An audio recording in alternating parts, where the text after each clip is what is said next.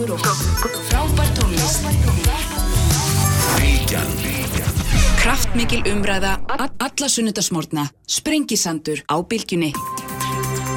Sæli hlustendur, þá höldum við að stað hér uh, þennan sunnudasmorgun uh, Áskil Brynjar Torvarsson, hagfræðingur, dóttur í fjármálum verður hérna í lokþáttar þeir verða hérna hjá mér Haldur Benjamin Þorbergsson og Flósi Eriksson Það er Hildur Björnsdóttir og Þordís Lóa Þórhaldsdóttir borgarfulltrú að verða hérna líka en og Átni Finnsson verður hér líka formaður Náttúruvendarsamtaka Íslands en í upphæfið hérna hjá mér Guðmundur Ingi Guðbrandsson sem er umhverjus og öðlindar á þeirra sætla blessaður. Velkomin. Takk kærlega. Við ætlum að fjalla aðeins um þessa nýju aðgerra áallinu loftasmálum hérna sem að þýðir ríkistjóninni fullið þessi bæði metnaða full og raunhæf og þarna og, og, og gangi lengra heldur en alþjóðlega skuldbindingar okkar í raun og veru hérna gefa, gefa tilöfni til eða, eða kný okkur til að gera. Örstuðt bara svona, við byrjum að setja okkur aðeins inn í hvað er svona að þetta eru 48 aðgerið þar að 15 nýjar hvað er svona, ef þú tækir saman hvað er, hvað er að breytast mest og, og svona hver, hverjar eru áherslunar sem að mestu skipta? Já, kannski í fyrsta lagi að við erum sem sagt í samfloti með Noregi og Evrópussambandinu þegar kemur að því að ná niður losum gróður og svo loftegunda sem er að valda þessum loslasbreytingum mm. eh, gagvart Parísa samkomiðlæginu og eh, þar fá ríkin í Evrópu, Noregi og Íslandi ákveðna þurfa að draga ákveði mikið úr losun og það sem að komi í hlut Íslands eru 29% árið 2030 með við 2005 mm -hmm. í svona þeim geirum sem að heyra undir þessa beinu ábyrð Íslands og við erum að sína fram á það með þessari áallun að við munum ná 35% samdrætti mm -hmm. e, miða við það er aðgerði sem að hægt var að meta í reiknilíkanni sem að svona okkar helstu sérfræðingar í loslasmálum hafa, hafa unnið að og þá eru eftir einhverjar eh, 16 aðgerri sem er í mótun mm -hmm. sem að við vonumst til þess að geti bætt við 5-10% auknum samdrætti sem er mm -hmm. þá því, því að við værum eitthvað stær í kringum 40-46% samdrátt mm -hmm. og þó svo að okkur beri að ná 29% þá höfum við í ríkistjórninu sagt vilja ná 40% og þess vegna hefum við sagt að þetta sé metnaðafullt og, og raunhæft vegna þess að við erum með e, reikninga eða útreikninga á bakveða þetta ég mm. geta skila sér. En þetta er ekki átakalust og, og þarna og, og ekki sko áhrifalust heldur. Hvað, hvað er, hvers konar breytingar ert að sjá fram á þið í, í hérna til þess að ná þessu fram? Já, það eru náttúrulega bara mjög mikilvegar svona grundvallar breytingar sem að þurfa að eiga sér stað. Mm. Þegar við settum okkar fyrstu áallun Eh, fram í september 2018 þá lögðum við megin áherslu á orkuskipti í samgöngum og síðan kólumnisbindingu mm. með landgræslu og skórakt og endurinn tvollendis. Þetta eru náttúrulega stórir áherslu þættir en þá en við erum til dæmis að bæta við eh, í þeirra kemur að vegasamgangunum aðgerðum eins og sem að snúa þungaflutningum, mm. aðgerðum sem að snúa sérstaklega bílalegu bílum gerandi ráð fyrir því að ferðarþjónast að ná að sér aftur á stryk því að um helmingurinn af öllum, allri endursölu bíla á Ísland eru bílalögbílar, mm -hmm. þannig að mér mikilvægt að þeir séu umhverfisverðni. Uh -huh, og síðan höfum við líka verið að þá setja aukið fjármagn í almenningssamgöngur og við munum gera það á næstu árum og, og líka gefa skattaafslætti núna af öðrum faraskjótum eins og reyðhjólum og mm -hmm. höfahjólum og, og, og því öllu. Síðan eru náttúrulega aðrir geirar, það eru úrgangsmálinn, það er svona smærri yðnaður sem að meðal annars er nú jarðhittavirkjanetun okkar um, síðan má nefna náttúrulega stóra þætti eins og uh, landbúnað og sjáarútveg þar sem mhm. að við erum svona búin að setja hlutina í, í þann farveg en erum enna býða eftir svona frekari aðgerðum sérstaklega sem snúa orkuskiptum í þeim geirum. Mm -hmm. E, það er aukinn græmitisframlegsla sett að þeim sem nýja aðgerð, við erum líka að horfa inn á við hjá ríkinu, svo Yngkaup ríkisins eru yfir 100 miljardar á ári Já. og með því að haga þeim þannig að við séum að horfa til lofslagsmála þá hefur við geta haft markveldis áhrif út í mhm. samfélagi mm. og svo framvegs. Já, þannig að þetta eru fjölmarkar, það eru fjölmarkar þættir sem verður að taka á í einu og, og, hérna, og allt er þetta gott að blessað og þarna, sko, en ef, ef við horfum bara á árið í ár, 2020, mm -hmm. Að þá sjáum við og undanfæri nokkur ár, þá sjáum við að við erum alltaf að ganga í öfu átt. Við erum að losa meira og meira en ekki minna og minna eins og, og hérna, hvert, hvert ár sem bætist við gerir framtíðina knappari ekki satt? Og, hérna, og það er svona maður veldi fyrir sig hvernig það ætla að takast á við þetta sem ég ekki alveg skýrt í, í þessari áallin hvernig það á að gerast. Að því við erum ennþá á uppleið, ekki satt? Tímabundin á niðurleið vegna COVID en, en síðan Æ. erum við gargandi uppleið og höfum verið sko. Já, það er eiginlega sko eh, við fórum niður eftir fjármálarhunnið mm.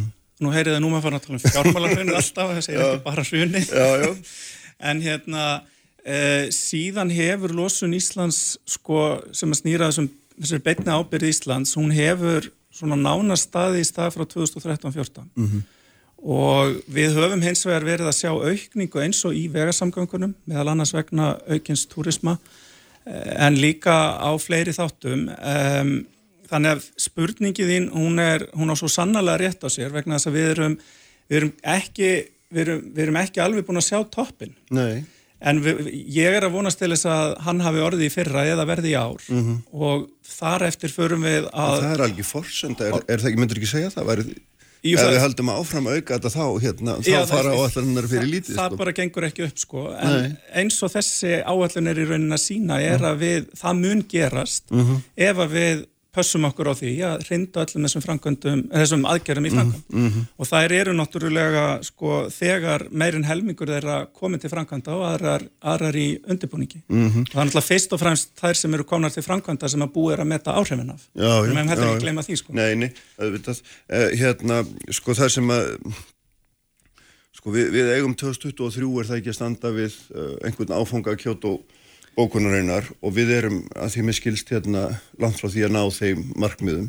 Uh, eða minnst hérna hef ég ekki séð neinar upplýsingar um, um annað. Og þegar maður er að skoða þessa, þessar þætti aðeins aftur í tíman sko hérna Sko við, við hérna til með sig sko heldalósun Íslands vegna yðnaðferðla og efnanótkunar sko hefur aukist um 112% á milli 1990 og 2018 og svo það eru nokkra svona stærðir sem er alveg gigantískar mm -hmm. og, og hérna og, og við þurfum alltaf, þetta er, jú, gengur allt út á að þú ert að með, með eitthvað viðmeðunar Kyoto 1990, nú erum við með 2005 mm -hmm. og þá þurfum við að fara aftur tilbaka það er ekki bara það að við þurfum að tempra það sem við þurfum að gera núna heldur við þurfum að ná svo miklu tilbaka aftur, hérna, finnst ekki alveg samfærandi hvernig við ætlum að sko stíga þessi 15 ára aftur í tíman Nei, þau, þau eru svona svolítið bakki á okkur, mm. það, þetta Kyoto tímabilið, það er 2000, ja, var hendar byrjaði fyrir en mm. það sem að við, tímabilið sem við erum á núna er 2012 til 20 mm.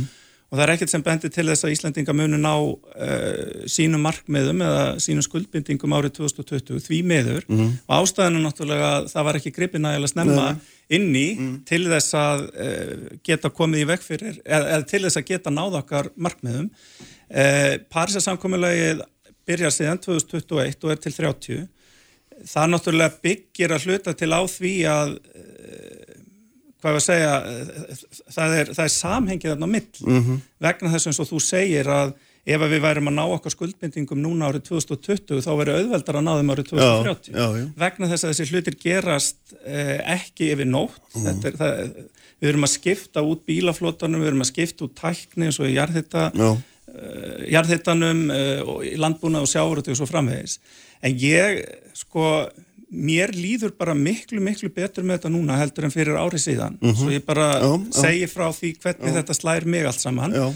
Eh, ber náttúrulega ábyrð á þessari áætlun, er búin að fylgjast með okkar sérfræðingum í ráðuneytunum hjá umhverfustofnun Háskóla Íslands og Háskólanum í Reykjavík e, meta þær aðgerði sem að við erum búin að setja í gang og mm -hmm. erum að setja í gang mm -hmm. og er eiga að skil okkur þessu árið 2030 mm -hmm. og það er ekki þannig að það spáin er ekki þannig að það muni gerast á milli 2028 og 30 heldur byrji það strax árið 2021 mhm. það er ekki alveg línulegt sem að eðlilegt er, það fyrir ykkur um tröffugangi mhm. e, þannig að ég held að í rauninni sko meða við fyrir tveimur án síðan þá vil ég segja við sem búin að snúa blæðinu við í lofslagsmálum vegna þess að við sínum fram á að við munum standast við já, okkar skuldbindingar árið 2030 Sko það, maður tegur eftir í þessu að það er, það er hérna, það er aðgerðnar eru, það er beinast mikið að almenningi í þeim skilningi að til dæmis með, með breyting á bílaflota, með aukningu á almenni samgang og svo framvegis, menna við þurfum að hafa fólk með í þetta. Öðrum kosti gerist þetta ekki og það, það er hérna og það er þá þessir, þessir niðugræslu kvatar er það ekki sem eiga svona að stýra þessu en þetta er gríðalega stór hluti í þessum tilögum. Já, eðlilega er hann stór vegna þess að það sem að heyrir undir þess að beina ábyrð Íslands, þar er stæsti þáttur en vegasangum. Mm -hmm. uh, um þriðjungur og síðan kemur sjávarútu og landbúnaður uh, og svo framhegis. Þannig að við erum í rauninni, við erum að horfa á alla þættina þar sem að hægt er að ná samdrætti Já. og sem betur fer að þá er það þannig að við sjáum fram á í vegasamgangunum að geta náð talsveit miklum árangri. Mm. Hann, e, það sem er áhugavert þar er að það var minni losun árið 2005 heldur en 2018. Mm. Þannig að hún fór í öfug átt, Já. hún jógst mikið á milli þessara ára. Já, já. En þess vegna þarf hún að fara ennþá meira niður núna á skemmra tímabili. Um, sjávarútvegurinn þar hefur líka dreyið úr en þar þurfum við virkilega að geta komið inn með aðgerðir sem að hefja orkuskiptin í sjávarútvegi því að það er svo mikilvægt líka fyrir tímabilið eftir 2030 Já. og alltaf þegar við erum að horfa á þessar aðgerðir þá verðum við að horfa til þess að við erum ekki bara að horfa til 2030 við erum að byrja að breyta kerfunum þannig að þau e, verði uppbyggð á orkugjöfum sem að minga minna. Já. þannig að það er heilmikil áherslu á vegasamgangur sem að kemur við almenning talsveit mikið en líka þungaflutningar Já, já, og, og svo framvegis. En það er líka áhersla á hinn að geirana. Þar erum við sumstaðar komin stittra á veg með Mm. aðgerðir, það er alveg hárétt en erum samt að horfa til þess að ná umtalsverðum árangur í þeim geirum líka. Sko þegar maður skoðar hérna þessar tillögur og, og þá, þá er hérna, og ég svo sem hef gaggrind ríkstjórnina hérna áður fyrir talnameðferð, af því að mér finnst ég oft vera að fara svo frjálslega með þegar þið summerið upp alls konar hluti og komið út með eina risa tölu, það svona- mér finnst ekki alltaf hérna sangjart og þú veist til dæmis, og þið erum nú með 46 miljardar inn í þessu, en þegar maður fyrir að skoða niðurbróti á 46 miljardum, þá eru bara 10 í nýjum krónum sko. hitt er alltaf afslættir frestanir og allt þetta. Og hérna svona veist, maður hefði svona vegna þess að við erum nýbúin að hérna, en nýbúin að gera könnunum það að það sem held svona 70% þjóðarinnar segir við erum jafn kröft við lostasmálum og við höfum verið Já, í COVID-baratun að ég man ekki tölna nákvæmlega 60-70% einhverstaðar og hérna þið hafið umboð til þess að setja mikið í þetta. Þið hafið umboð til þess, ég myndi halda það myndur ekki halda það líka? Og þurfið ekki að hérna, gera eins betur í að setja meira nýtt fjármagn, ekki bara vera með að því að þú gefur mér afslátt af virðisöku en, en það er í sjálfur sér ekki framlag sko.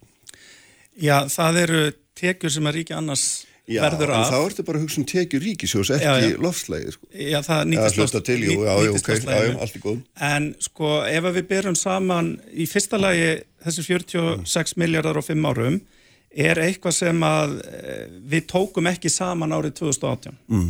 vegna að við vorum bara hreinlega ekki komin með upplýsingarnar sem að varða eh, skatta afslættina og það sem að við erum hins vegar að, að sjá breytast milli 2018 og núna er að það er meira að fara í þessar aðgerði sem að eru sérstaklega eyrnamert á loslasmálum og svo er náttúrulega líka borgarlínanatinni Já, já. og aukning í hjólreiðastíga, göngustíga og almenningssamgangur sem að við, við greindum ekki sérstaklega frá árið 2018, það er alveg rétt, en þar hefur líka verið aukið í meðal annars með samkominlæginu við höfuborgarsvæði. Þannig að ég er nú ekki sammálaði að eh, við séum ekki að auka í meða við 2018, en við erum að taka... Nei, ég veit, ég sagði það heldur ekki, Nei, ég veit nei. að þið eru að au- auka í Já, ok, fyrir- nýja krónunum 3 miljardar, ég veit það, en ég, að 46 eru bara 10 nýjir peninga, 10 miljardar. Það eru ívilnanir þar að segja skattafslættir sem eru nýjir þarna líka Ok. og líka nýtt sem að snýra borgarlínunni og fleiri þáttum sem, ég, en ég kann hins vegar ekki töluna, ég skal alveg lagi. viðurkenna það. Eh, en það sem að ég er að reyna að segja er í rauninni þetta fjármagn sem að þarna er inni til næstu fimm ára fylgir fjármála áallun, það er þá allavega fasti sem að við hefum að geta treyst að fari í þessi mál. Síðan er ég náttúrulega vonast til þess að geta náði meira fjármagnin inn á málaflokk. Og uh, sérstaklega núna þegar við förum í sérstaklega fjárfestingar áttak sem á að taka eh, til árana 2021 til 3 það gæti orðið til þess að flýta ennþá frekar eins og orkuskiptum og öðru slíku. Í hvað formi það verður, það gæti orðið í formi frekari skattafsláta eða það gæti orðið í formi frekari og hraðari uppbyggingar á einhverjum sviðum. Þannig að það eru bara mjög spennandi verkefni framöndan þar.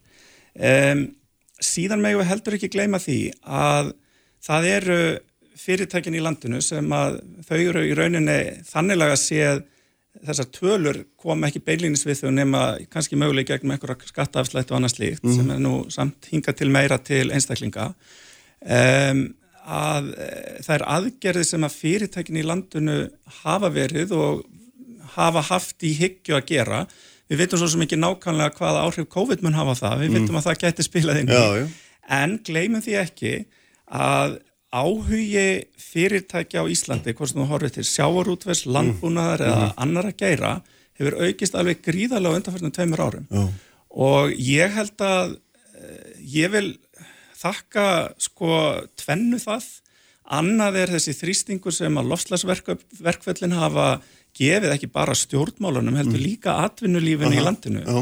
og ég segi bara að það skiptir gríðarlega miklu máli að hafa þetta aðhald vegna þess að þetta eru kjósendur, mm -hmm. þetta er fólk sem að læta sér framtíðin að skipta og þau hafa góðan málstað mm -hmm. og hitt er, er það að e, þegar að ríkistjórnum var myndu þá setti Katrín Jakobsdóttir fósættisráð þeirra lofslagsmálinu og ottin mm -hmm. og það eru líka skilabóðin í samfélagi, það er skilabóð til fyrirtækjana og við erum, við erum semst raunverulega að fara í þessa vegferð mm -hmm. og hefur þá að vera með ef að vera með í því að ná kólefnislutleysi árið 2040 mm -hmm. þannig að við getum sagt fiskurinn í sjónum sem er seldur frá Íslandi, hann kemur frá kólefnislutleysum landi, kólefnislutleysum sjávarútvei mm -hmm. sama með landbúnaraðuröðnar okkar eða mm -hmm. teknikerunum og þetta skiptir máli líka mhm. vegna þess að það er svona þessi heldar ímynd Já. í rauninni eh, Íslands mhm. En sko þegar að hérna þegar þú ætlar að selja þessa heldar ímynd þá verður kannski líka látað að fylgja sögunni að að innan örfára ára, tekja þryggja ára þá þarf Íslanda að reyða fram einhverja x miljardar til þess að kaupa losunarheimildir að því við stóðum ekki við Kyoto. Já, já. Og, og hérna nú erstu að setja 46 miljardir þetta, við skulum ekki deila um það hvort þeir eru, hérna, hvernig þeir eru fengnir en þú þarfst að bæta við einhverju þar. Og ég var áhuga að vita, ég meina hvað er Ísland tilbúið að setja mikið í þetta, ætlum við virkilega að fara að henda í, afsakið, má maður nota þetta orðlega, nei, við þurfum að fara að setja í þetta einhverja Hvað marga miljardar? Já, sko í fyrsta lagi segi ég Ísland verður að standa við skuldbeitingar mm -hmm. og ef við stöndum ekki við þær árið 2020 þá þurfum við að standa við það að, að kaupa okkur heimildir. Já. Mér finnst það skipta miklu máli upp á trúverðileika.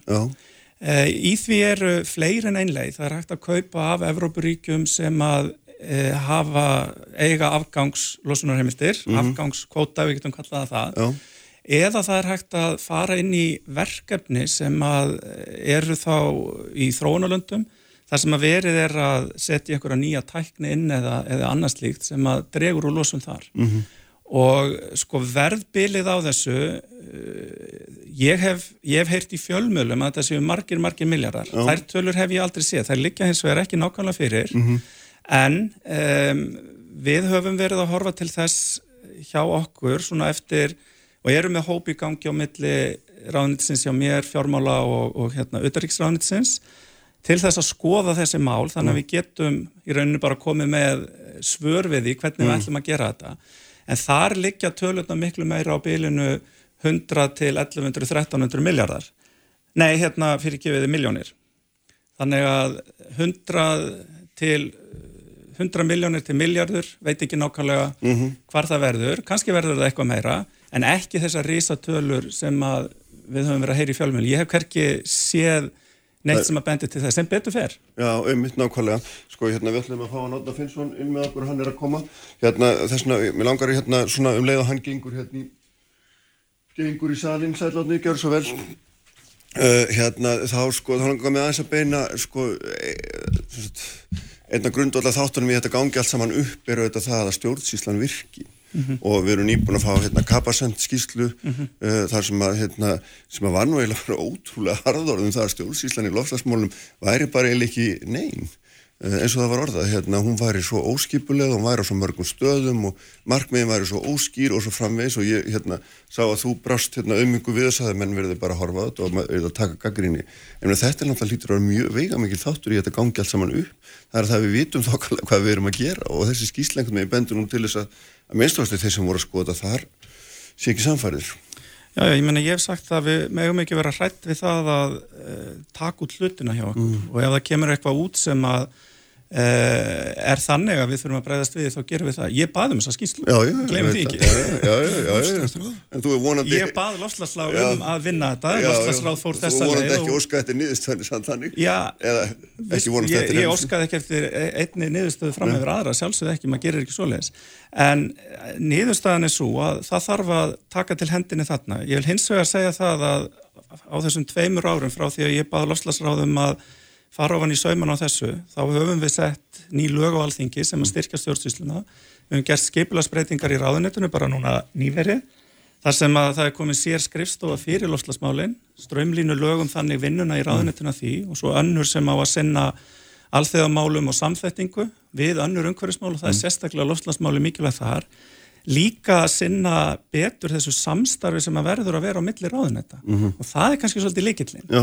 Í því augnameði ákvaðum við í ríkistjórninu núna fyrir skömmu að setja ráþæranemnd á fót, fasta ráþæranemnd um lofslagsmál eins og við eigum slíkt fyrir jafnbrettismál og ríkisfjármál. Mm -hmm. E, einmitt vegna þess að það þarf að vera hægt að halda betur utanum þræðina því að þeir liggja svo afskaplega við að þeirra kemur á loslasmálunum. En við munum alltaf bara taka það sem útastendur og, mm -hmm. og, og skoða það að sjálfsögðu til þess að mhm. reyna að mm -hmm. gera þetta eins vel og hægt er. Já, Átni, hva, hvernig líst þér á þessu áallin? Þú ert búin að vinna í þessum gæra í svo lengi sem elstum en muna, þetta er mjög sjótt að segja. Þannig að... Jú, það er margt gott í henni, nýtt og fínt svona, fyrst. Uh, þannig að nefna sérstaklega að það tekið fram að markmiði sé 1,5 gráða ekki verið farið yfir 1,5 gráðu sem er þá yfirlýst stefna Íslands og mömmu hefur kynnt erfendis en Já. kannski minna hér heima mm -hmm. og um, það er svona settur ákveðin ramma en þá var ég gott að minna það að 1,5 gráða týðir að, að sko ef við förum fram með það þá verður mjög erfitt að stoppa stúrnum sjávar mm -hmm. og snúinu við Þannig að þetta er, við erum myndið gríðarlega pressu, ekki bara Íslandingar heldur, alltaf þjóðsamfélagi að, að sko, komið veg fyrir verstu afleðingar lostasbreytinga. Mm. Þeir kannski sleppum upp að tveimu gráðum en það verður alveg svakalega miklu verra. Sko. Þarna, þarna fannst mér og, og það, það kannski, þessi, þessi samingi verða kannski sett meira fram í loka útgáðu sem mm. er náttúrulega ekki fyrir nýjaust. Það er nú svolítið rugglandi ennþá þessi þetta tala um kólefnistryllissi árið 2040 og svo aftur skuldbindingar Íslands 2030. Ég held að kannski við getum byrja á því að setja inn í þessu aðgerða að setja í lög um kólefnistryllissi. Þannig að sjálfur skýrt hvað við er átt. Mm -hmm. Þetta er svona... Uh, þetta meina að hugtæki sjálf sé óskýrt? Já, það sé bundið í lög, skulum við segja, já, já. Og, og það er uh, verið að setja svona lög í eða hafa verið bóðuð eh, Erlendis í Finnlandi er þetta búið að setja lögin eh, Sví, Svíþjóð Norður og leðinni og þetta er bara til að setja stjórnvaldur ramma þannig að þau haldi áfram mm -hmm. að vinna gott starf og, og þarna held ég já, sé, sko leið til að setja skýra ramma mm -hmm. nú svo er þetta talum að Ísland alltaf fara langt fram úr skuldbindingum sínum það er ekki, finnst mér ekki, þetta hljóma meira að kostningalofur vegna þess að sko þessi 6% eh, stig sem önur á 29% sem var umsami við Evropasambandið og mm. það sem ríkistöndin segist alltaf gera núna, það gildi bara fram á kostningu, þetta er ekki þjóðrættilega skuldbindandi og maður spyr sig af hverju fóru stjórnveld ekki á sömdu um 35% samdrátt mm -hmm. það hefur miklu hreitna miklu hefði svona trúverður. Þannig að nýríkistjórn kemur til hérna, kjæsti valda þá getur hún breytt þessu viðmiði hæglega. Já. Getur lækkað að hækka þetta eftir það. Hún getur lækkað, hún getur lækkað. Já, hún er já. ekki bundin að þessu. Nei, nei, nei. Og það eru ekki sko, eru þessi 6% stig sem við við bætt, eru þetta hluti aðgerðanum í samræmi við það reglur sem að Európa-sambandi setur. Mm -hmm. Þetta getur hljómaði mínu meirum eins og svona meira bara Já, vinstri græn frá meiri metnað og Bjarni Bendisson fær minni kolbinskjald. Mm. Skilur þess að, að maður setur þetta svolítið harkalega fram. Mér finnst sko, það er hljótaður hægt að gera með eira með samgangunar, þarna er bara týnt fram ívilnanir ríksins, fyrst og reynst, og þetta er út frá þeirri mynd sem er í dag, grunnsveismynd, það er ekki gerði neyn sérstök ja, mér finnst ekki nógu vel gert grein fyrir kólumskjaldunum, það var til dæmis lagt á kólumskjald um áramáttin 2017-18 mm -hmm. mikið lömbraða vegna þess að Benedikt Jónsson sem hafi verið fjármjörður ætlaði að leggja fram 100% hækkun mm. um, það kemur ekki fram svo ég sjá í þessar áalluna að sko, þetta hafi verið metið hvað árangur náðist að þessu mm -hmm. og ég sé heldur ekki að sé neitt samdráttur frá landbúnaði nema að hugsa að þá að það takist að fá með breyttri fóðugjöf minni metangas út, Já, út úr að Þú svona sérði eitt og annað greinilega sem að Já, Já. e- eitt er viðbútt, það er Já. þessi grænu skrefi sjáratvegi. Mm Mhm. Hvað er það? Og hversu mikið ætla sjáratveginn draga úr losun? Það Mhm. liggur ekki fyrir. Örlítið, Já, bara- bara, bara, takk kærlega fyrir þetta, ég, það er bara margt gott sem að kemur fram hjá Átna eins eins og alltaf.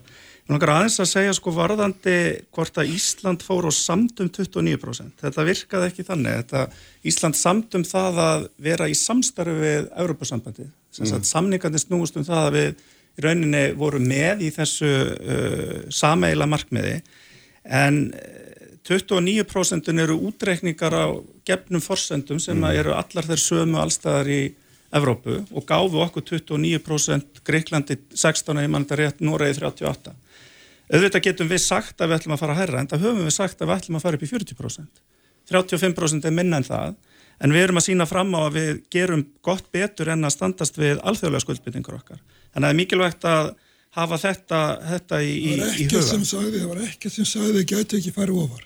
Þetta er engin, sko... Þe- þetta er bara það sem að- Þessi formúla sem hún talar um, hún Mm. hefur hverki verið kynnt og er ekki gagsæ.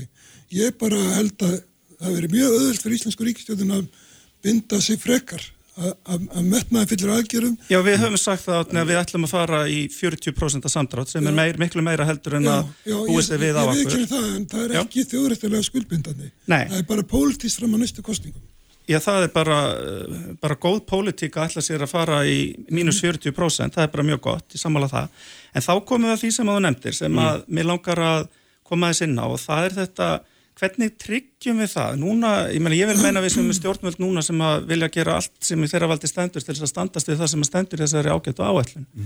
Uh, hvernig tryggjum við það að það haldi áfram þó svo við skiptum um stjórnvöld? Og svo komin í ríkistjórn og það er það sem átni nefnir að það er að setja í lög að við eigum að standast eða skuldbyttingar sem við hefum sett okkur. Og núna likur fyrir þinginu frumvarp uh, um breytingar og lofslagslögum þar sem að við erum að lögsetja það, setja í lög að, að við þurfum að ná þeim samdrætti sem að felst í samkomu lægi eða í hérna í, í þessu samkomi lægi með Evropasambandun og Noregi. Þannig að við erum komið það í lög ef þetta verður að lögum núna í vikunni og síðan er það kólefnislutleysi sem að átni nefnir. Og þar höfum við verið að, í ráðunettuna að greina hvernig aðra þjóðir hafa verið að gera þetta. Einmitt með það að markmiði að koma fram með lögvonandi í haust um það hvernig getum við sett þetta inn vegna þess að ég tek innilega undir það matna, mér finnst að við eigum að setja það í lög að við ætlum að ná kólefnislutleysi á einhverjum ákvörðum tímapunkti. Og Skildi það er mikilvægt. ég rétt að lögin núna 29% og í haust komu önnur lög sem segir 35%. Nei, 29% þar að segja samkomulagi við Evrópusambandi, það verður lögfest núna í vor ef að frumvart mitt verður að lögum í vikunni. Eh, ég er að tala um kólefnis hlutleysi. Það er það sem við höfum verið að greina í ráðunetinu hvernig aðra þjóðir hafa gert og hef, ég hef áhuga á því að koma með það á, á þá næsta þingi. En sko Átni, þú hefur einmitt hérna, vikið svolítið það sem er áhugavert að stjórnsýslinu í þessu sem að hérna, þér höfum fundið skagrísniverðin og það er eins og ég var að tala með hérna, ráðhrann á hann bara, hérna, ef hún virkar ekki uh, þá þetta, hérna, er til lítil sparist. Sko, hún getur alveg batna, sko, hún gerir ráð fyrir því. Já, En uh, ég held að stæsti gallin við stjórnsýsluna hafi verið sá að markmið stjórnvölda hérna alveg til skamstíma var að auka losun og stjórnsýslan gekk út að byggja upp stóriði fyrirtæki og, og bara auka rými fyrir meiri losun. Sem betur fyrir er það ekki þannig lengur. Nei, en það er, það er bara stutt síðan og uh, þess vegna held ég að sko ef að, ef að, ef að það sem hefur vantað, ef að kemur, koma fram skýr lögbundin markmið og þá held ég að það er að setja þessi 40% í, í lög. Mm.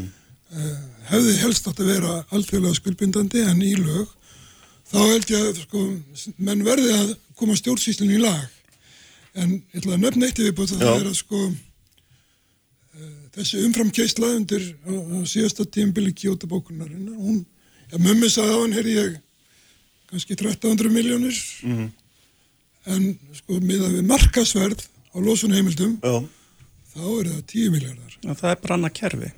Já, akkur ættu ríkja samið við okkur og styrkja okkur um að, að losa meira. Lósunar heimildirna vegna þess að við fórum fram um kjótt og segir þú að ég verði 10 miljardar sem við þurfum að borga. Á, á markaði. Já, markaði, já, já, það er þessi tala sem að þú segir að hver kannast ekki við. Ég kannast ekki við hana vegna þess að þetta er, þetta er í rauninni það kerfi sem að um, hefur með já, þetta ETS-kerf að gera og, og skuldbyttingar stóriðunar og, og flugfélana. En þetta bara mun kom í ljós, við erum með vinni í gangi sem að vantalega mun leiða í ljós hvað, hvað þetta verður og mm -hmm. vonandi verður upp að henni ekki alltaf há, en ég vil líka segja að nota þessa peninga þá í það að þeir nýtist í verkefni eitthvað til þess að draga úr losun mm -hmm. úr því að við náum ekki að standa við okkur skuldbyttingar mm -hmm. 2020 sem eru vegna þess að það var ekki gripið nógu snemma í hlutina fyrir ríkistörnum. Mm. Það er bara alveg klart mál. Hefur átnit einhverju trú á því að þessi áallu gangi eftir og hérna, þau raunhæfu og matnaðaföllinu markmið sem ríkistörnum segist að setja sér þau gangi eftir? Jú, við verðum að trúa því. En þú verður að trúa því, ég veit Já. það, en að langri reynslu hefur þú trúið því alvöru? Nei, ekki með að við sko tímbil þar undan og, og hérna nei, ég held að, að sko en það þarf menningarbyltingu í stjórnarraðinu getur við sagt mm -hmm. að það þarf menningarbyltingu í stórfyrirtækjum hérna, ég held að sjáuröldfjörn sé ekki vaknaður sko, til dæmis landsvirkinn er mjög áhásam mm. svo ég hælun og einstinni þeim gamlu góðu fjöndum sko en, en hérna en uh, kannski landsnett líka, ég veit það ekki en, en maður heyrir ekki í að segja sko við verðum að draga úr losin frá fiskiskipum en þess að það það er það ábyrg að gera þegar við erum að selja fiskinu mm. og uh, svo en almenningur hefur tekið við sig við miklu meira áhugi með, með fólks mm. Ég held að vekkferðin sé hafinn alveg klárlega uh, við sjáum það, ég, sé, ég skenja miklu meira áhuga fyrirtækjum, almenningur klárlega eins og átni nefnir þannig að ég held að byltingi sé hafinn mm -mm. Ef ekki láta það vera loka orðin piltafinir. Takk fyrir að koma báða til. Takk hjá það. Við erum hérna áfram með þeim Hildi Björnsdóttur og Þórdísi Lóð Þórastóttur eftir augnablík. Sprengisandur. Alla sunnudaga á bylgjunni. Kraftmikil umræða alla sunnudaga. Sprengisandur á bylgjunni. Sælir afturlustendur, þá eru þeir farnið fram með Ráðni Finnsson og Guðmundur Ingi Guðbrandsson.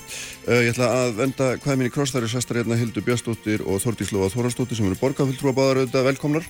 Takk fyrir. Uh, þið hafi verið að skiptast á skeitum um hérna aldrei svona mjög skemmtilegt mál sem er hérna bæði, bæði smátt og stort í senn sem er svona uh, svo upphæð sem að Reykjavík og Borg hérna á samt fleiri sveitafélugum sótti um uh, í, í óafturkræfan styrk til ríkisins vegna COVID-19 hérna og, og, og, og svo tengist þetta, þetta svona því að, að hérna Reykjavík og Borg settin umsögn um, um hérna um aðgeri ríkisins þar sem að kom fram svona að, að hérna, ef að framvindi sem horfi þá, þá ætti borgin ekki fyrir aðborgunum að lánum næstu árum og svo framvegis og hérna, og maður svona velti fyrir sér er staðar ekki ekki borga miklu þringri heldur en hérna hefur verið látið í skína og svo framvegis og hérna mér langar að aðeins að fá eitthvað til þess að, að tala við mig á þessum nótum hérna Hildur, þú hefur gaggrind þetta mjög og sagt að Reykjavík borg sé að byggja um hvað 50 miljardar sem hún ætla aldrei að borga tilbaka. Já, ég veist sjálfsögur ekki endilega gaggrind þá aðgerð, það eru mm. auðvitað margir í greiðlegum vanda í kjölfarið á efnaðsafleðingum COVID-19 og þar eru sveitafélagin engin undantekning. Ég vakti aðtikli á því að Reykjavíkuborg á svona öðrum sveitafélögum hefði óskað eftir 50 miljardar óendurkröðum stuðningi frá ríkinu uh, á samt öðru eins að láni mm -hmm. á hafkamstu kjörum frá Sælabankanum með 5-7 áborgunarlausum árum og þetta væri þörfin núna uh, og svo þurfti meira að koma til síðar og það má reikna með því að ef þessi beini kemur frá öllum sveitafélögum landsins að þá komum 40 miljardar tæplega í slutur Reykjavíkuborgar af þessum stuðningi. Uh, það er eiginlega 20 í þessu sem ég í rauninni svona vek aðtikli á. Annars verður það það sem ég hef kallað sjálf sköpuð súrepli mm -hmm. en það er að Reykjavíkuborg hefur og við höfum bent á þetta um ára beil og við erum bentir enda líka á þetta í kostningabartunni hefur haldið greiðilega illa um fjárhag borgarinnar. Uh, við erum að horfa tilbaka á greiðilegt teikugóðari við höfum á toppi hagsöflunar þá er Reykjavíkuborg að sapna greiðilegum skuldum nýtir ekki tækifæri til að greiða niður skuldur og búa í hæginn fyrir þessi mögru ár sem mm nú mhm. eru gengin í garð.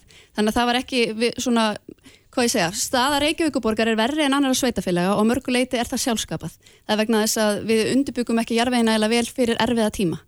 Svo er það hitt sem ég bendi og það er hræstnin sem að mér finnst fólkin í því að senda þetta neyðarkall á ríkið og örfa um dögum síðar búa til bladamannafundar, mm -hmm. þar sem er kynnt svo kallar grænt plan sem er eitthvað sem ég alla jafna myndi vera bara mjög spennt fyrir en hræstnin er fólkinu þetta í því að þetta plan er ekki kannski beint kostnað með þetta en í umröðum kom fram að það geti kostað þeim minnsta 100 miljardar mm. og ég sé, sé bara ekki alveg hvernig þetta fer saman mm -hmm. hvernig það fer saman að kalla eftir þessari aðstóð og segja sveitafélagi sé algjörlega ósjálfbært munu verða það til margra ára og geti ekki sint þjónsaskildum en vera svo að tromma upp bladamannafund með einhverjum mm. gríðalögum lovorðum og fyrirheitum um eitthvað sem þau get ekki staðið við Þortís, Lóa, gjör svo vel Já, hér er verið að Hér er verið að græta öllu saman. Fyrsta Nú. lagi myndi ég vilja koma því að Reykjavíkuborg er ágætla reygin og hefur verið bara með uh, góðan fjárhag undanferðin ár. Og, við, og þetta er líka spurningum hvað er fortíð og er, hvernig er framtíðin. Eh, til dæmis er alltaf að tala um skuldaviðmið og skuldaviðmið borgarinnar samkvæmt sveitistunarlögum að þá er Reykjavíkuborg, það sveitafélag á höfbruku sem skulda minnst, 52%. Minnaður en Garðabær, minnaður en Hafnafjörður og Kópavór og svo náfram. Þannig að þetta er staða núna, það er hins vegar alveg rétt og ég hef áður sagt það í útvarsveitulum að við verðum að vera ábærg varðandi umræðuna núna eftir COVID mm -hmm. og það hafa sveitafélagin verið að gera sambandið og SSH sem eru samband sveitafélagin á höfbruksvæðinu og þetta bref sem fer til fjármálráðherra undirskrifa Gunnari einarsinni bæjastur í Garabæ það fer inn sem uh, ákall mm -hmm. líka upplýsingar mm -hmm. Svona er staða sveitafélaga ef ekkert verður að gert. En bara svo við haldum því til haga í því var semst Ósk sveitafélagan á höfuborgarsæðinu um 50 miljardar stöðninga hálfuríksins, er ekki rétt hjá mér? Í því var. Ósk mm. samband sveitafélaga á höfuborgarsæðinu fyrir allt landið mm -hmm. um 50 miljardar. Það er staðan. Mm -hmm. Þannig hljóðar þetta bref og það hljóðar líka eftir því að við erum aftur gráð því að undarfarnar vikur og mánuði eru við búin að vera að skoða hvað gerist núna þegar að COVID er svona, við erum komin í annan fasa af COVID Eh, hvað gerist fyrir sveitafjöluinn?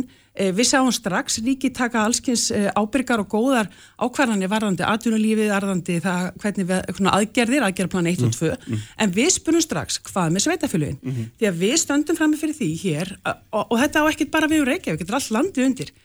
Útsvarið er minga, verulega, mm. þjónustan þarf að aukast og við sjáum það bara hérna á, á söðvesturhóttinu að ef að atvinnuleysi fer eins og það er spá, þá eru ekki bara þúsundir manns atvinnuleysir, heldur mögulega tök þúsundir sem eru atvinnuleysir og hvað þýðir það fyrir sveitafélugin? Mm -hmm. Aukna þjónustu, aukna fjárhásástóð, allt saman aukin útgjöld, meira ákall og góða þjónustu sem við erum alveg tilbúin til að veita mm -hmm. en á sama tíma eru, eru tekjur að minka. Oh. Við eigum fyrir þessu ennþá, við viljum ekki koma inn í framtíðina mm -hmm. og við sjáum það á ásreikningi 2019, við, við byrjuðum strax í hagsveiflan var byrjuð, hún var byrjuð um mitt ár 2018 og við sáum það strax, þess vegna uh, við höfum verið leiðið að hálsi fyrir það að hafa ekki farið strax í einhverja gríðarlegar hagraðingar aðgerir og, og greiðanlega skuldir. Ég er algjörlega ósamála því að við hefum átt að gera það. Mm. Við vissum það 2018 og við vorum að fara að ganga inn í einhvers konar neðurlagið í hagsöflunni. Okkur óraði ekki fyrir því sem er núna. Uh, en maður spyrja hérna einu, sko, áður en heldur kjast aftur að, sko, hérna, uh, og, og, einmitt í tengsli við þetta græna planar, kemur bara fram frá ykkur sjálfum að sko borgir, restu borgar með neikvægt veldu fyrir frá restil 2020 til 2022 þannig að ég vittna í bregð frá Reykjavíkborg til Alþingis og stendur alls ekki undir afborgunum að langtíma lárum árin 2020 til 2023 veist, og hérna og, og ég, þú veist Já, þetta er með sviðsmyndir. Sko? Hvað er þið að segja á leið og eins og Hildur bendir á svo farið með hinni hendinu og ætla að fara að gefa út græn skuldabrjóni því að ég er ekki fyrir skuldunum sem þegar eru búin að stopna til. Nei, hvern... þetta er bara ekki rétt Kristján. Við eigum okay. alveg fyrir þeim skuldum sem við höfum stopnað til. Þannig erum við að lýsa hvernig möguleg framtíð getur verið. Við erum búin að gera sviðskreiningar sem hefur nú verið týrættum. Þær eru ell og vaff. Það segja ef að það fer á vestaveg mm að þá geta tekjur sveitafélag að dreyist það mikið saman mm. en kröfur á þjónustu verið það mikið Já. að það þurfi að gera eitthvað á að ganga og þetta er bara mjög áhugaverðar ekstralega pælingar og við virðisn höfum mikla börðu til þess að gera það því bara svo sem hér setur er ekstra herrfræðingur mm. borgarfulltrúi eh, hérna, Pavel Bartosek er starffræðingur því að sjálfstæðarflokkurinn hefur í ára týr reynd að segja það að, þessi flokkar sem nú uh, hérna, stýra borginni mm. kunni ekki að, að fara með fjármálin nú er viðreysn við borðið líka og hún mm. kann það sannlega -hmm. En við stöndum fram með fyrir því núna að hugsa hvernig verður þessi framtíð og við viljum bara vera ábyrg, henda fram góðum uh, og, og vel unnum sviðskreiningum henda fram líka inn í umræðina hvað ætlum við að gera ef þetta verður staðan hvað ætlum við að gera ef mm. atvinnleysi hér á Suðvesturhóttinu verður kannski 8-14% mm -hmm.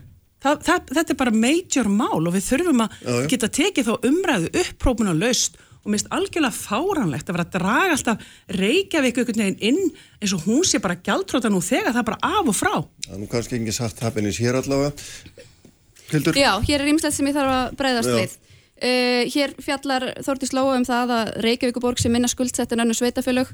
Uh, Reykjavíkuborg hefur auðvitað- komið í þannig haganlega fyrir að hún hefur sett mikið af sinni starfsemi undir uh, dótturfélög og þannig að sem sagt, fyrirtæki sem eru svona skilgjönd undir björluta borgarinnar og þannig geta þau færa svolítið hjá sér uh, bókaldið. Við verum líka auðvitað aðtöða það að Reykjavíkuborg hefur mun meiri skattekjur en önnur sveitafjölu vegna þess að hér er útsvar í löglefðu hámarki, fastegna skattar á atvinnuhúsnaði er í löglefðu hámarki, fastegna skattar á íbúðarhúsnaði eru líka gríðarlega háir, skuldir eru að aukast og þrátt fyrir þetta gríðarlega fjárhags streymi inn í sveitafélagi að þá samt einhvern veginn beraði enga virðingu fyrir peningunum og fara þetta með hvert verkefnið fram úr áallunum aftur og aftur eins og við hefum séð núna uh, undarlegin ár. Mér finnst mjög áhugavert líka að geta þess að uh, sjálfstæðisflokkurinn hefur í rauninni ekki átt borgarstjóra eða stýrt borginni heilt kjörtímabil í 26 ár. Og Vilhjálmur Þóttma borgarstjóri um eitt, eins árs tímabil og Hanna Bitna er borgarstjóri árunum 2008-10 sem er á hrun árunum og núna á landsfundi samfélkingar ára 2018 þá segir dagur að samfélkingin hafi tekið við borginni í rjúkandi rúst eftir sjálfstæðismenn. Sem sagt þessi tvö ár þá sem að Hanna Bitna situr þarna í meðri efnahagskrísu eftir hrunið. Og þá er áhugavert að skoða hvernig hún stýrir fjármálum borgarinnar á þessum krefjandi tíma sem á einhverju leiti bera saman með tíman sem gengur nú í garð og það sem gerist þá er að tekjur dragast auðvitað saman vegna þess að það er mikið atvinnuleysi. En skuldi borgarsjós aukast ekki nefnum 3 miljardar og sjálfstæðisflokknum tekst að skila jákværi rekstra neðstu sem var bara greiðlega sjálfgefti raun á þessum árum. Uh, ef við berum saman núna þau tvö ár sem eru liðin á þessu kjörtímabili Því er það ekki bara að þjónustan hefur verið skorin hræsilega niður á móti? Ég held að það hefur bara verið forgangsað í þá grunnþjónustu. Og það, það er nákvæmlega sem við þurfum að gera núna. En ef við berum þessi tvö ár saman, þessi niðursveifla ár í kjálfar hruns við undanliðin tvö ár, fyrstu tvö árun á þessu kjörtímabili, þá hafa tekjur aukist skuldir aukist margfald á við það sem gerðist á, á tíma hönnubyrnu og við erum að horfa bara fram á greiðlega erfiða tíma og mér er svolítið vanta að ég er alveg sammála því að við þurfum bara að nálgast það af yfirvegun og faglega og við viljum öll leysa vel úr því. En ég hef ekki séð að það sé verið að ávarpa þennan vanda sem að nú gengur í garð heldur er mun fremur verið að klippa á okkur að borða og búa til blaðmannafunda og láta svolítið fólkin í borginni líða eins og það séu engir erfilegar framöndan. Uh, ég verð að segja það. Þótti slóða svo, já, var hún ekki að segja það að það væru erfið tíma framöndan sem að horfa Jú, það, ég er að heyra sig- hana kannski ávarpa það fyrst núna og ég hef ekki séð að það vera kannski sérstaklega mikið ávarpað ofinberlega gagvart borgarbúum.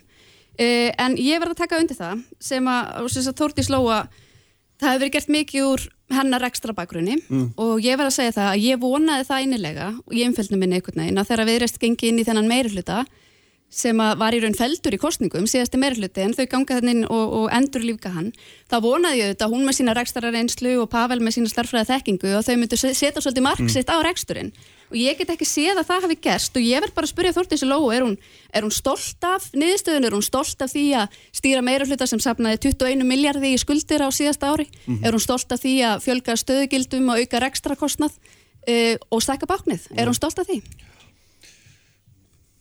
Mér langar að koma, mér finnst þetta náttúrulega bara alveg fáránlega framsetning og ég hérna er bara mjög stolt af því sem við höfum verið að gera í Reykjavík því að mér finnst þetta svolítið merkjulegt það er alltaf gefið það að við höfum bara að koma beint inn og byrja á því að skera allt niður. Það er ekki góður rekstur. Uh, þegar maður horfir á sveitafélög og maður er að horfa fram á uh, þennan, uh, þetta, þetta framtíð sem mögulega getur verið fyrir framann okkur þá þarf maður að spyrja sig ætlum við að taka það allt úr rekstri með því að skera niður og skera þá niður þjónustu því að við verðum að viðurkenna það að þjónustu sveitafélag er fyrst og síðan svona ákveðin grunnþjónusta ásand menningu og íþróttum og fleiru og það er ekki þannig að við viljum bara öll hlaupa á stað og hætta því eins og skot. Langstæsti útgjaldaliður borgarnar og langt flestra sveitafélagi eru skólamál og velferðamál það er bara 60-70% af allri, allum rekstri, restin er bara miklu minna, en mér langar að koma inn á forgangsröðun og framtíðina. Og uh, sko þetta, þessi, þessi brefaskriftir og þessi umræða sem var hér fyrir mánuði síðan frá SSH eða sem sagt samband sveitafélag höfbrukarsvæðinu og samband íslenskar sveitafélag þar sem er verið að kalla eftir altækum og sértækum aðgerum. Mér langar líka beina aðteglinni að sveitafélagum út á landi sem eru líki ferðarþjónustu, alveg eins og við hérna á Suðvesturhóttinu, Skútustaðarreppur, Þingersveit, mm. sveitafélagin á Suðuströndinni. Þessi sveitafélag eru í allt öðrum umhverfi heldur en þið voru þarna kallar á mögulega sértakar aðgerðir. Það sem við vorum að tala um þessa 50 miljardar eru alltakar aðgerðir til þess að passa það að sveitafélagin þurfi ekki að fara í blóðunga niðurskurð. Og svo hefur líka verið ákall um fjárfestingu og við viljum það að því það er góð hagfræði á þessum tímum að fara í auka í fjárfestingar, passu á viðhaldi, viðhaldi. Og mér, eitt af því sem mér langar að bæti inn í frá tímum, ég fylgdist nú ágætlega með hérna eftir hrun því að ég var sjálf í viðskiptalífinu þá og auðvitað fór borgin í blóðu og niðurskurð. En hún fór líka í blóðu og niðurskurð í fjárfestingum og í, í viðhaldi. Og það er eitt af því sem ég myndi vilja passa að við myndum ekki gera núna. Já, að ég vil en- auka í Ná, fjárfestingar. en hvern, hvernig, hvernig getur þú sagt að þetta þegar þú ert öðrum þræði að segja yfir ríkið ef við fáum ekki þennan og þennan pening þá er hérna, framtíðin lítur hún svona og svona út þetta er mynd sem við erum að teikna upp þú, að ert, þú ætlar að, hérna, þú ætlar að, hérna, þú, þú byrður ríkið um þetta, þú ætlar að fara í græna plani í leðinni og þú ætlar ekki að draga fjárfestingum, þú ætlar ekki að draga þjónustu, þá ertu bara að tala um skuldaukningu og það getur alveg líka bara hérna rætt út af fyrir sig vegna þess að ríkið er að auka skuldi sínur og allir eru saman á það sé bara í góðu lagi Já. og kannski er það bara í góðu lagi hjá borginu og fjárfesti sér bara út úr þessu, ég veit ekki, ég er að spyrja.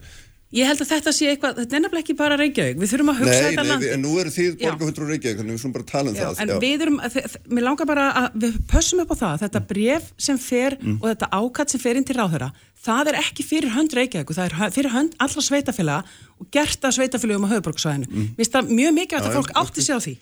Eh, sko það sem að við viljum, ég hef reyngi sagt nú þegar að það er farið í blóðu að niðurskurð á þjónustu. Það segja allir við viljum það síður, auðvitað þarf að hagraða.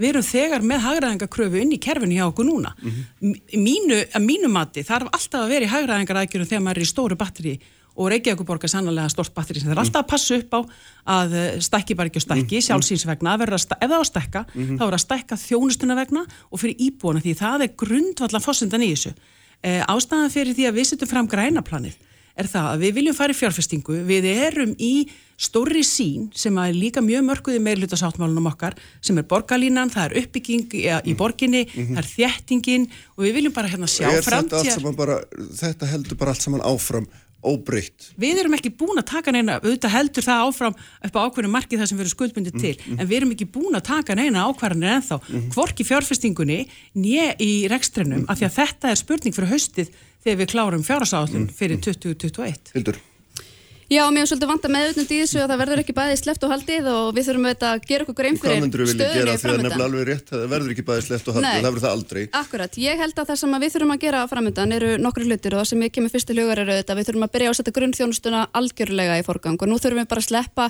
verkefnum eins og bragganum eða öðru slíku sem við höfum.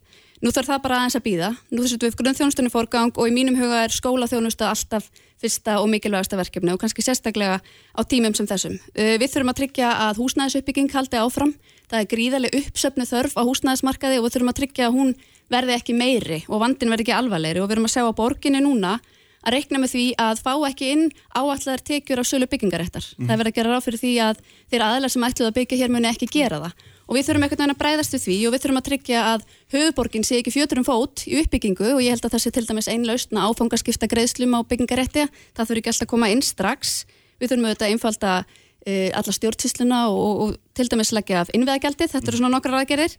Uh, svo maður líka vekja aðtekla á því að sveitastjórnaráðuniti sendi á dögunum bref og öll sveitafjölu landsins og benti á það staðreind að fastegnamat á íbúðrúsnaði er að hækka núna um áramótin og hvetur þá sveitafélögin til þess að lækka hjá sér álagningaprosentu fastegnaskatta þannig að fólk sé ekki, fólk og fyrirtæki sé ekki að greiða í rauninni herri fastegnaskatt á næsta ári heldur en núna. Þannig að það, þetta er aðgerð sem ég held að eigum að þú vilt læka skatta en um leið halda þjónustunni óbreyttri. Nei, ég er rauninni ekki að tala um, nei, ég er að tala um að halda sköttunum óbreyttum frá þeir sem þeir eru í ár. Þannig að þeir séu í rauninni ekki að hækka í krónum talið Nei, ég er að tala um að við fókusurum einbyttum okkur algjörlega að grunnþjónustunni, skerum niður önnur verkefni. Núna er það bara skólaþjónusta og velferðarþjónusta sem skiptir öllu máli. fjárfestingar eða hvað, hvað er það sem annars Við þurfum að horfa núna til þess hvort að ríki sé að fara að koma inn með þannan fjárstöðning sem óskaðar eftir og það er rosalega erfitt í rauninni að taka ákvarðanir um það hvort, mm hvort við ætlum að fara í fjárfestingar eða ekki á þess að vita það. Ég meina það er gríðarlega krafa á hefðu opinbera að fara í atvinnuskapandi verkefni og fjárfestingar eru það vissulega. En nú það bara svolítið að sjá hvað kemur út úr þessu neyðakalli. Svo held ég reyndar líka að og það var margir bent á það að leiðin út úr þessari efnahagslæði er auðvitað hugvitt og nýsköpun Mm. og þá þarf höfuðborgin auðvitað að tryggja og skapa uh, sveigjanlegt og frjótt umhverfi fyrir góðar hugmyndir að þrýfast. Það er langtíma verkefni, hérna, nýsköpun, en ekki svona, hérna, reddur okkur ekki út úr atvinnuleysi Það er sko. atvinnuskapandi verkefni og við þurfum að skapa já, Það, það er oft í svona umhverfi sem að góðar hugmyndir ná að spretta og Algjörlega. fyrirtæki verða til og atvinna skapast. mótmæli því ekki, en það er, samt, er ekki, er ekki svona, það er ekki hérna, skyndilaust nefnum við getum orðað þannig. Við erum að leita því að auka atvinnu bara akkurat núna, þá er, það ekki, þannig.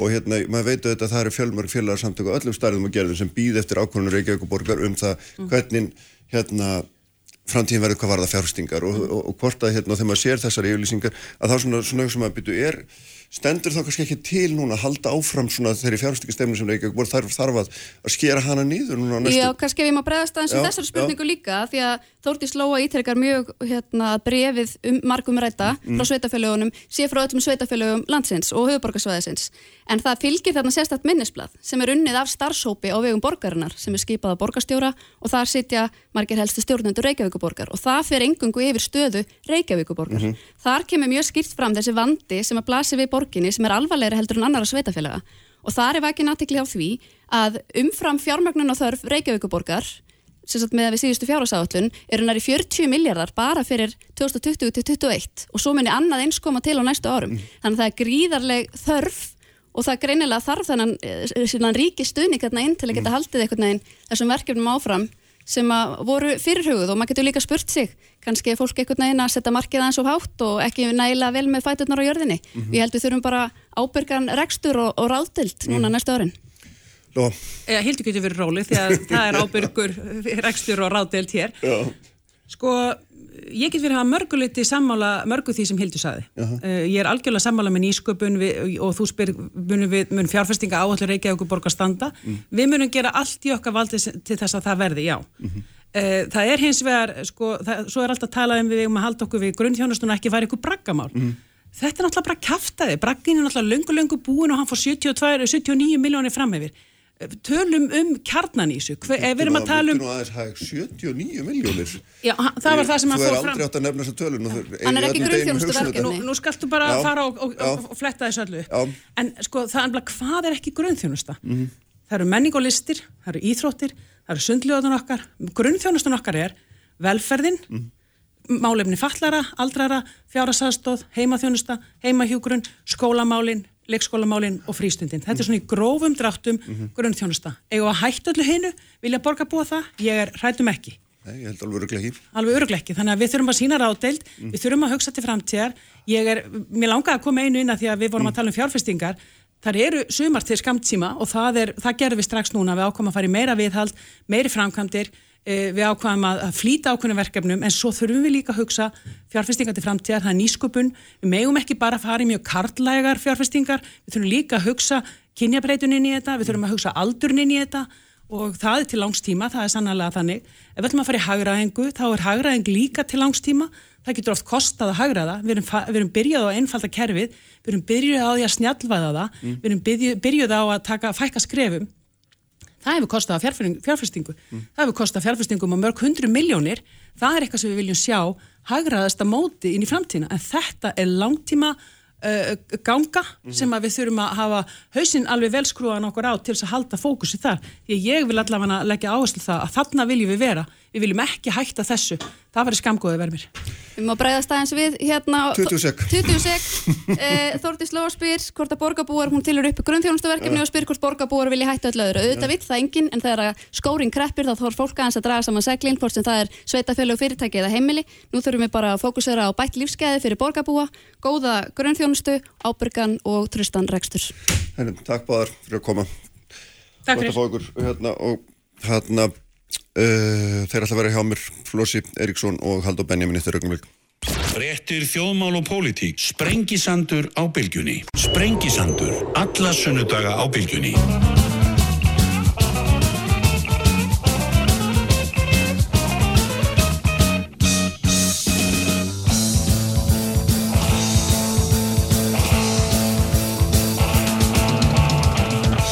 Sænir aftur hlustendur, þá haldum við að staða hér á 12 tímanum, þeir eru sestir hjá mér Haldur Benjamin Þorbergsson og Flósi Eriksson, Haldur auðvitað frangvandastjóri samtaka aðunlýfsins og Flósi fer fyrir starfskanna sambandinu, SGS.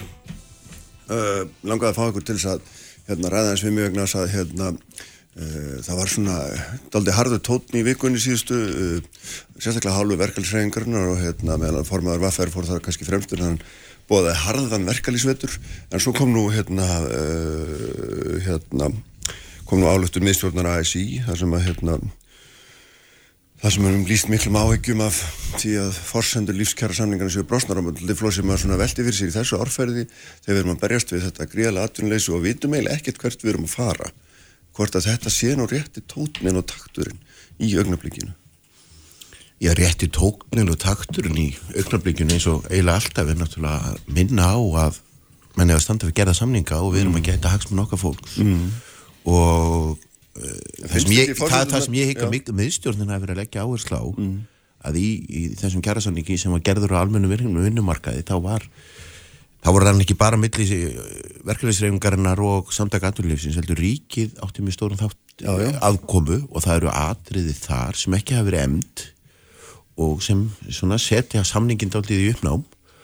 Og, og það eru stóratir og þau skipta ekkit minna máli núna þó efnaðas ástandið og horfurna séu með þessum hætti en þeir gerðu þá.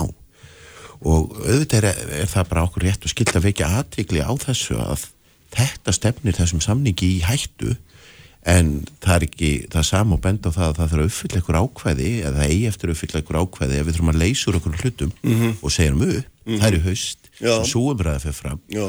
Og, ég fannst þetta ágætt En hvað er þessi tótt núna inn í miðri COVID-kreppu sem er svona, ég veit ekki, maður er svolítið slegin yfir þessum Já, þeir eru svona greina bara svona viðkvæmir Við setjum undir því til dæmis frá ymsum félögum Haldórs mm. lítið honum sjálfum en, en mikið mörgum í kringum þeir tala alltaf um að allir í verkefnisreifingunni séu veruleika fylgtir og þeir séu vittlausir og þeir skiljit ekki og svo framvegs og framvegs og framvegs mm sem ég er við þauðt svona tiltölega sérkennli samningatekni og ég er nú reyndar þeirra skoðunar að formin starfsgrunarsambansin sem ég vinn hjá mm. út um all land séu mjög góðum tengslum við veruleikan og við sitt fólk og skinni mjög vel á hvað á því brennur mm -hmm. Og, og, og forman sambansins á þessum á fundi formanna alþjóðsambansins hann bjöðlaði miklu áherslu að það þetta við ætlum svona að loknum sumarlífinu að taka þessa umræðu með fólkin í félagunum mm -hmm. um all land hvernig menn líta á stöðu horfur og hvaða já, ég skulum ekki segja aðgerða hvað á að gera í september þegar mm. lífskjærasamningurinn er til uh, endurskoðunar? Mm -hmm, Já, staðan er slæm og horfunar eru verri. Það þarf ekki að velta þessu sérstaklega mikið fyrir sér. Þú getur bara sett út um umræðan að fara heim núna Ég sem frábið mér frá flosa þá sem fallega sunnundasmodni einhverjar tilvittnanir, einhverja meinta vini mína sem segja eitthvað við hann undir fjögur aug mm -hmm það þarf ekkert að fara í gráðgötur með þetta sko. Við gerum kjærasamning fyrir rúma ári síðan og hvað, hvert á mark með þessa kjærasamnings? Margt að yfirnást. Við höfum séð, sjáum núna læri vexti en við höfum nokkur sem séð á Íslandi, við meina það tókst mm -hmm. og hvaða þýðingu hefur það? Jú, það hefur bara mjög ráðandi áhrif á ráðstöðunum tekjur heimilann. Það er óbúslega stór hlutur sem við getum bara verið rosalega glöð með og ánað að hafi tekist. Það sem við gerðum í þessum kjærasamning var að ráðstafa vermaðasköpun í hagkerfinu mm. þrjú ár fram í tíman við vorum með einhverja fórsendur sem við sögum, já, ef allt gengur upp hérna og bara horfumst í augu við flossi og hleri sögum, herru, við gerum ráð fyrir að þessi verðmætti verði til hérna á næstu þremur árum og við skulum skipta það með þessum hætti síðan eins og þú segir Kristján, í einni sviphendingu hverfa nokkur hundruð miljardar út úr hagkjörunum mm -hmm. þrjú til 500 miljardar halli á ríkisjóðu næstu tvö ár og þá er augljóst og þá þarf ekki að ræða það eða bóða einhverja fundi eða fara hringferðum landi og spyrja hvað finnst þér allar forsendur í samfélaginu eru gjörsanlega brostnar. Mm -hmm. Það eru brostnar hjá ríkisjóði. Það eru brostnar hjá sveitafélagunum hringin í kringum landið. Fastegna gjöld sem hafa verið svona, já það sem hefur haldið sveitafélagunum á, á hérna, gangandi undanfærin ár. Ég meina þau eru bara að fara lækandi. Mm -hmm. Fastegna verð er að fara lækandi. Leiguverð er að fara lækandi. Allar forsendur, bæði heimila, fyrirtækja, sveitafélaga og ríkisins eru auðvitað brostnar það má klæðið í ymsan búning og eh, ef að verkefliðsfórustan hefur eitthvað þörf fyrir það að gera eitthvað leikrit í kringum þetta að það sé eh, vafa undir orspið hvort að fórsendur séu breytar mm. þá ger ég svo sem enga aðtöðsend við það en við hinn sem byggjum þetta land mm. við vitum öll að svo er og það þarf ekki að ræða það í minni návist sérstaklega sko. mm -hmm. Já, já, já, já en, minna, það er eins og Haldur segir svo sem réttilega minna, við erum vön þessum tónu og söng minna, öllum samtölum okkar Haldur þá er alltaf að fara til helvítis og fór til helvítis í gær og, og, og hefur heldur vestnaða stafan síðan. Og, og ég held að menn í verkefliðsreifingunni gerir sér afar mikla og góða grein fyrir því uh, henni alveglegu stöðu. Og sérstaklega finnum við mjög beint fyrir atvinnuleysinu sem er mikið og vaksandi mm. og við sjáum bara núna í, í þessari viku þá eru sagt upp 70-80% starfsmönnum á, á bakka. Menna, og, og menna, það svæði í norðausturhóttnið sem hefur verið annars vega með, með að reyna að gera, byggja upp þessa atvinnustarfsemi og síðan náttúrulega ferðarþjónustan sem já, kannski skrimtir eitthvað svolítið yfir sömarið en það, ég held að vera ekki mikið að gera það á mjög vatni í haust svo við bara tökum einhverja staði. Já, nei. við gerum okkur mjög mikla grein fyrir þessu. Og þess vegna við til dæmis verkefælisreifingin fagnað hlut af aðgerð ríkistjórnarinnar sem eru svona atvinnu skapandi en það er aftur og í honum felast alls konar áform inn í framtíðinu og ef maður ætla að eiga við þau þá er það eitthvað samtal sem við höfum að eiga. Og það er ekki að segja eins og hald og sko við finnum þetta öll hinn í landinu. Verkefliðsreifingin tala nú fyrir vísna stóran hluta og fleiri hausan samt og gattunlífsin sem við ætlum að fara í, í, í þannleik og auðvitað gerum við okkur afar mikla grein fyrir ábyrðinu og ég held að lífskjærasamningur er sanni það. Mm -hmm. Það var afar ábyrgu samningur. Haldur var ekkit opaslega spenntu fyrir þessum vakstalækunar áformum þegar það var gert. Það hefur gengið eftir? Eða svona ekkit mjög spenntur allavega og, og, og, og þá rættu við svona Já, já, já. og, og það tekist. Og þetta var ný tegundu samningi. Það eru í honum líka uh, hlutir sem hafa aldrei verið reyndur áður eins og hagvakstar aukin sem ég nú kannski ekki verulega áhyggjur að koma til greina eða til framkvæmda svo það sé nú bara sagt. Svo að við þurfum náttúrulega bara að fara í gegnum þetta fyrir lið fyrir lið hvernig við ætlum að, að koma að þessu. Og auðvitað finnst okkur stjórnvöld með fullri virðingu fyrir e, þeim aðstæðum sem samfélagið er í þeir hafa dreigi lappirnar í sömum að þessum ákvörðunum og það er eina sem hefur verið brotið í fórsyndu lífsgerra samningsins er Mm. tímasett aðgerð sem ríkistjórnin lofaði Það, ekki að- eru, það eru því nefnir sérstaklega húsnæðismál, verðtryggingu, mannsal og félagslega undirbúð sektor ákvæði vegna kjærasanningsbrota. Er þetta, er þetta málinn sem að hérna, við ætlum að fara að ræða í haustum það hvort að hérna, að- að- að koll- hérna, kollvarpa þessum samningi sem að allir lofuð og prísuðu fyrir, fyrir einu ári síðan? Já, við höfum alltaf að ræða félagslind undirbúð og við höfum alltaf að ræða, möguleika okkar til að koma veg fyrir að það veri nýsta fólki. Og ég held að í svona ástandi þá muni óprúknir aðila nýta sér það enn frekar til að nýðast til dæmis á erlendi vinnafli svo við eigum að ræða það núna og kannski sem aldrei fyrr. Ef við veltum fyrir okkur sko ég hef oft velt fyrir mér hvernig maður myndi svona haga málfætningi sínum. Hvernig maður myndi tala ef maður væri verkalýs megin ég og mjög, ætti mjög auðvelt með það að tala á þann veg að frumskilda verkalýsleitua hringin í kringum landi væri svo að halda fólk í vinnu. Mhm. og þegar atvinnuleysi er á þeim slóðum sem það er í dag þar sem að já, fyrir ein, einum og hálfum mánuði voru, voru tök þúsundir manna annarkost á atvinnuleysbótum eða hluta atvinnuleysbótum þá myndi ég tala inn í minn hóp sjá ég er í hlutverkuleik þar sem ég er verkalýsleitai Mhm. að okkur hefur bara mistikist og það er ekkert verra og ég trúi flosa þegar hann segir að þau finni fyrir atvinnuleysi á sínu skinni. Þannig að félagsmenn verkalýsfélaga hljóta að vera mjög hugsi yfir því þegar atvinnuleysi er jafn mikið og það er.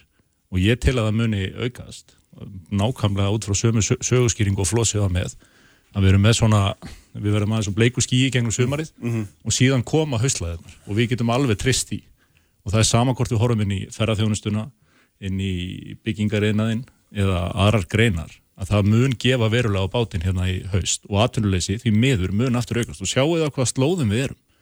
Atvinnuleysi á meðal ungs fólks á Íslandi við hérna sem hér sitjum vorum alltaf í vinna á sömurinn það er rosalegt atvinnuleysi, það er um 25% atvinnuleysi á meðal ungs fólks og við þessu verðum við rétt flósi í samtali að bregðast með einhverjum hætti en þess að ef við gerum það ekki Þegar þú segir að verkefælisfórstur ætti að horfa í einn barm og segja við höfum bröðist þar þá meina það að því að þær gera, gera á háar kröfur eða Nei, hvað er við, þetta einlega þurfum, vísi við í? hljótum að þurfa að aðlaga kjærasamningin Mhm. að þessum gjör breyta raunveruleika sem Já, ég var að lýsa það fyrir þér. Það við vorum að horfa hérna einhver árfram í tíman og allt hefði bara gengið vel þessi peningar eru bara ekki til. Þeir eru ekki til hjá ríkinu, þeir eru ekki til hjá sveitafélónum og þeir eru ekki til hjá fyrirtækjum landsins. Og þeir eru heldur ekki til á heimilum landsins. Þetta er staðan og við verðum að breyðast við þessu, atvinnuleysi. Við erum ekki að fara að keira hagkerfið hér næstu 2-3 árin á, á því lága atvinnustígi sem að núna er við líð, það bara gengur ekki uppflósið og það sjá það allir Jú, en það er, og, og, og alveg er það rétt að, að eina af okkar skildum er að tryggja vinnu fólks. Mm. en við viljum líka tryggja fólk fái borga fyrir það með einhverjum meðlum hætti. og menn eiga sagan sínur okkur það og, og, og að menn nota alltaf láta ekki góðar kreppu fram hjá sér fara til að ná sínum fram. Svo að við erum náttúrulega að stíga mjög varlega í þessu. Og það er alltaf hættan í svona ástandi að menn segja nú er ekki rétti tíminn til að tryggja kjör þeirra lagslöðust og nú er ekki rétti tíminn til að setja á fjövíti, nú er ekki rétti tíminn til að gera þetta og hitt og síðan þeirra velgengur, þá er heldur ekki rétti tíminn að því þá má það ekki út af þessu eða hinnu mm -hmm. Alþjóðsamband hefur bent á í, í, í sínum hugmyndum sem, kalla, sem hafa verið byrtur undir, undir nafninu rétta leiðin að það til dæmis við ættum að, að, að taka lengri tíma en ofta áður í að nánuður Halla Ríkisjós út af því hvað hann er hvernig hann er tilkomin þetta er einn hlut af þessu samtali sem á að eiga sér stað hérna í, í sömar og haust þegar, þegar sömar, svona, sömar leifina mestu leitu eru búin. Ég held að menn séu mjög vel undirbúnir í það af, af minni hálfu. Og, og við ætlum ekki að setja okkur í ég ætla ekki að fara í hennan sérstakar hlutverkaleik en ég myndi samt velta því fyrir mér ef að ég væri fulltrú atvinnureikanda og ég inn í þeim enda borgartúnsin sem Haldur vinnur í en ekki í hinum endanum það sem haldhjóðsambandið er. Þá myndi ég aðeins veltaði fyrir mér að tala ekki alltaf við þá sem er að verja eða oft skulum við segja kaupa kjör vennilegs vinnandi fólks í landinu eins og þau séu fáiðar og bjánar og svo framvegis og framvegis og framvegis. Þú veist að núna væri voða gott að margir af þessum svona stór yrtari í reyfingunni hans færu í sumafrí ég held að það veri hjálplegt. Þú hefði bara átt að búið eitthvað allt annan manni í þetta viðtal. Hann er ekkert að tala við mig, hann er bara að tala eitthvað út í tónið sko. Ég er- Ég er náttúrulega hafnað þessu málflutningi flosa bara af alefli. Þetta er náttúrulega algjörlega fráleitur málflutningur hérna. Viltu að ég fletti þessu upp Halldór? Já, gerir það. Já, við getum bara gert Við það. skulum bara fara saman á kaffehús Já, og, við og við googlum saman. Hvað áttu við, einhver- Halldór, hvað áttu við þegar þú segir að menn verði að- að aðlaga kjara samningana að veruleikanum? Í mínum huga það merkir það bara eitt að launin þurfa að fara niður. Ég meina það er bara það sem þarf að. Ef það á að fjölga störfum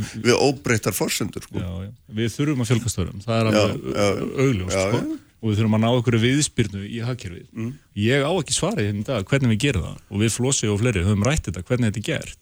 En það er alveg augljóst að ef að kostnaður, launakostnaðurinn er bara orðin of hár eins og hann er núna, þannig að bara, það gerðist eitthvað, Mm. það gerði ekki ráð fyrir þessu því miður og þetta er ömulegt og við verðum einhvern veginn að finna eitthvað ansvar við þessu, það gerum við ekki með einhverjum stórirtum yfirlýsingum í, í garð einhvers fólk sem er ekki statinn í þessu herbyggi heldur gerum við það með eitthvað svona samtali og reyna einhvern veginn að finna út. Byrju, með hvaða hætti ætlum við að byggja vinnumarkaðin upp á næstu ár mér finnst ömurlegt að horfa upp á fólk sem vill vinna að það fá ekki vinnu. Mér finnst það bara algjörlega ömurleg staða og það þekkja allir einhvern sem hefur mist vinnuna er atvinnulegs og sér kannski fram á langtíma atvinnuleysi. Þetta gjör breyttur ömurlegi og atvinnuleysi er og hefur alltaf verið algjört eitur í beinum Íslandíka við höfum tekið út aðlegununa með öðrum hætti en í gegnum raunstæðina sem er atvinnuleysi. Við höfum gert það í gegnum verðbólgu við höfum gert það í gegnum gengisfellinga og fólk vill það frekar sko.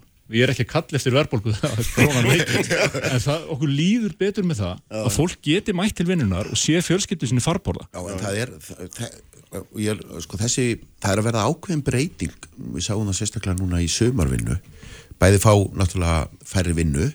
Svo sáum við líka að, að, að í hluta þessum störfum fyrir námsmynds er ríkið auðlisti svo enginum Nei, þetta er bara var mjög einkennilegt. Já, það var svolítið, það var, þú veist, ég, ég, ég, ég veit ekki hvað það þýðir, ég er ekki búin að, búin að draga álega, eða sé það ekki, en það var svolítið, það svona svolítið skrítinstafa og, og, og menn verða, er að þessi á, og, og auðvitað er meiri tegjan leikja því við erum með meira innlendu, erlendu vinnuaflið sem fer, svolítið að við maður settir að sjá hvernig þetta, er. þetta er náttúrulega eitthvað sem brennur hvað mest á mönnum. Og, og auðvitað er menn þá að vona að, að aðrir geirar náu sér frekar og stryk það hefur ekki verið að gerast til dæmis í sjárótöknum verð þar eru lækandi verðið og afurðum er lækandi þú veist það hefur verið eitthvað af því sem hefur stundum hjálpað okkur bísna mikið og maður sér ekki þau teikt núna. Og ég meina að það, það líka við þurfum bara að horfa aðeins út fyrir landsteinana hvað er að gerast þar? Ég meina bandaríkinu eru risastóra markaður fyrir ímislegt sem hérna fer sko. Já, já. það er allt í kalda kóli þetta er ekki eitthvað smá svona högg þetta er það, kreppa sem Halldór, mun það hefur enginn haldið fram að þetta verði neitt smáhögg það hafa aftur á móti ímsir í mínu liði sagt við þurfum, við skulum, við skulum, við skulum hugsa lausnir hér og fyrsta lausnin og þú ætlar ekki að samþykja hann og einu kortir er ekki að höfðu tökum kjærasamninginu sam, sambandi. Það er enginn að tala um að taka kjærasamninginu sambandi. Ef við horfum 20 ára eftir tímaflóti forverar ykkar áttuðu sig fannst mér og þeir voru sko fyrir til. Þeir voru ekki, þeir komu alltaf upp í vaffi síða þess að þeir eitthvað gerðist. Og það var svona eðlert samtal um að, heyrðu, nú hefur allt breyst. Núna er umveruleikin annar en að var nú þurfum við að gera eitthvað sko. og það eru mjög mörg dæmið með þetta undarfærin 20 ár þar sem að því miður við búum í mjög sveiplu kentu hagkerfi og þegar að fórsendur hafa breyst hafa kjærasamningar verið aðlaðar með einum öðrum hætti menna að fresta launahækunum, menna að felta niður menna að breytt intak í kjærasamninga í samtali og samningum síðan er hinlegin sem er hugnast ekki Mm. sem er að bara láta sverfa til stáls á vinnumarkaði sem er það sem að einhverju verkefliðsleitur og þú vísaði til í upphafi mm. hafa verið að lýsa yfir á undarföldnum dögum og vikum sem að mér finnst ekki sérstaklega trúverðugur málflutningur. Þegar staðan er eins og hún er það hjálpar engum að fara í þann gýrin hér í haust. Mhm. og mér finnst þetta bara harla ótrúverðugt, satt best að segja. En Flósi, þetta, sko, aðlögun, að því við vorum að tala um hana, hún þarf þetta einhver starf að verða og það er alveg rétt, við höfum tekið hann í gegnum gengi, við höfum tekið hann í gegnum verðbólgu og hérna, og svo framvegis. En núna held ég sé engin stemning fyrir því, ég meina við erum komið mjög lága verðbólgu, mjög lága vextu, ég held að sé bara engin sem vil fara frá þess enda, hérna, þetta er eitt af megin markmiðum samfélagslega ára tuga finnst mér, hérna, og hvað gerum við þá ef við ætlum að koma þessu fólki í vinnu? Vegna þess að það lítur að vera það, það er, hérna, málnum reitt. Já, það er eitt, það, það, er málnumir eitt eða eftir listanum eða hvernig við köllum það. Og við höfum náttúrulega kallað eftir því til að taka á þessu ástandi og, breið- og það sé ekki eina lausnin sé að lækka kaupið. Þá hefur minna minn tala fyrir því að uh, atvinninsbreyturnar eru hugsaði með öðrum hætti, við höfum kallað fram að menn kemist í meiri mentóraði, við höfum kallað fram meiri framkvæmdur álfinu og ofinbyrju þannig að við svona höldum þessum hjólum gangandi. En það eitt og sér að segja og ég er bara ósamlega fyrir því. Þú veist, nú er velbólgan lág og, og hérna vextirnur er lágir og þá er ekkert sem við getum gert um að lækka kaupið hjá fólkinu sem er lægstu laun á Íslandi. Ég ætla ekki að kaupa það Nei, skilurðu. það er ekki Nei, það að segja, ég er bara að lýsa en- af því við það- getum ekki farið þessa leiðina, þá er ég að spyrja hvaða, hvaða hugmynd hefur aðra? Ég er ekkert að skipa þér að lækka kaupið, það er síður en svo. Og, og ég flokka ykkur ekki og, og mig ekki heldur með, með lægslaulega fólkinu. Ég ætla bara, ég ætla bara svo sé til að haldi til haga. Við gerum okkur alveg grein fyrir því að það þarf að ræða þetta allt saman í hilsinni Mm. en það er ekki fyrsta atrið að segja hörundum kaupa ekki samningsum sambandi og ég man ekki í þessari yfirlýsingu sem fylgdi mér ekki 43 tölustætt atrið, er það ekki var, var ekki eitthvað svoleiðis? Og, og menna, það er eitthvað að þeim sem er búið að koma til framkvæmt eitthvað að þeim sem má endur skoða og býða og svo framins og framins og, og, og þetta er hluti af þessu samtali sem við ætlum að fara í og ætlum að eiga, heyrðis mér á haldurum með mjög kurteisum hætti og, og, og hófstiltum og, og það verður ekkert staðið okkur. Og þegar hann talar um uh, fyrverandi eða, eða for, fyrverandi fórustum með verkefliðsreifngarinnar mm. hafðu frumkvæðið á þessu hinnu mm -hmm. formaði starfsgreinarsambansis ætla hans ekki búin að vera formaði starfsgreinarsambansis býstna langan tíma á þessum tíma sem Haldur vitnaði til mm -hmm. svo þess að ég henda hann kunni mjög margt í þessum björn á Akureyri til dæmis. En það er þess að, hérna, það er þess að ljóst og það er, hérna, að það er, það er bratt framöndan í þessu ef að, hérna, að það eru þetta inn í þessum kjærasamningi, lífskjærasamningi, eru innbyggðar hækkanir líka sem að, hérna, ég veit ekki, við, við getum held ég nú orðið sammála um alltaf með þess að ferða þjónustan og aðra slíka greinar auðvitað, hérna, bera ekki meðan að það eru engar tekjur og koma í hús eða nánast engar. Ég er alltaf ferða þjónustan Svo við bara tækum hana, en hún er auðvitað ekkit einkennandi fyrir alla greinar, en hún er, er ábyrjandi í þessu. Nei, nei, það sem að veldur mér samt bara áhyggjum er þetta er uh, þetta, þetta, þetta snertir raun alla geira atvinnulífsins eins og Flósi var að nefna sko. þetta er og núna er uh, hásumar margir að fara í frí á næstu vikum Mhm. ferðast á landið allir bara allir sem að þekkir er að fara að kera eitthvað og, og það kemur smá innspýting núna ég held að sé mjög snemt að reyna að draga ykkur álíktanir um það hvernig bara alþjóðlega ferðarþjónusta verður í haust. Er fólk að fara að ferðast sama mælu og að gerði? M- Ég tel ekki sko, ég held að sé langsótt en mm. þetta kemur á einhverjum tíðanpónti. Það breytir því ekki þessi risastóra atvinnugrein að hún mun eiga á brattan að sækja á já, allavega næsta ári og mun taka ykkur ár fyrir hann að aðlaga sig þessu, ekki bara hér, bara hringin í kringum eh, bara veröldum. Mm. Já, það gæti verið sko að, að ferða þjónustu eins og, eins og við þekkjum hann í hvað ég var að segja, Evrópaðinu, vestræna heimi verði með ykkur um allt öðrum hætti. Já, en fólk mun ferðast alltaf, það tekur bara tíma. Já, og það mun, það mun ég held að geti, það geti ferðast með öðrum hætti. Já, og ég meina, við skulum bara segja og, og við erum búin að byggja upp kerfi þar sem mm. við tökum við. Kjör okkar allra er að fara að vestna í þessari kreppu, eins og gerist alltaf í öllum kreppum, alltaf.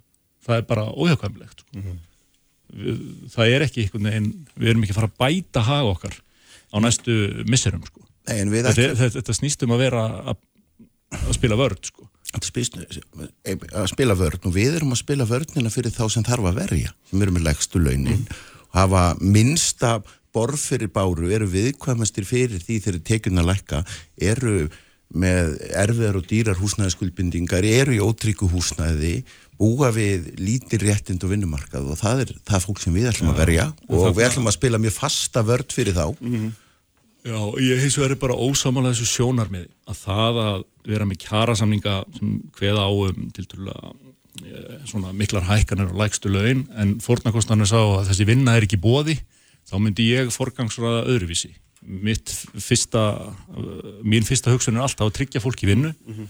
ekki að fá fram einhverjar uh, Excel hækkana æfingar sem síðan leiða til þess að hér vera 20.000 manna atvinnuleysir sem er hræðileg staða Já, við, Já, sem, ég, við getum, getum allavega verið sammálum mm. það að at, aukið atvinnuleysi er hræðileg stað mm. og ég held að og vona við vinnum gæfi til þessi haust að vinna saman í því að reyna að koma í vekk fyrir það.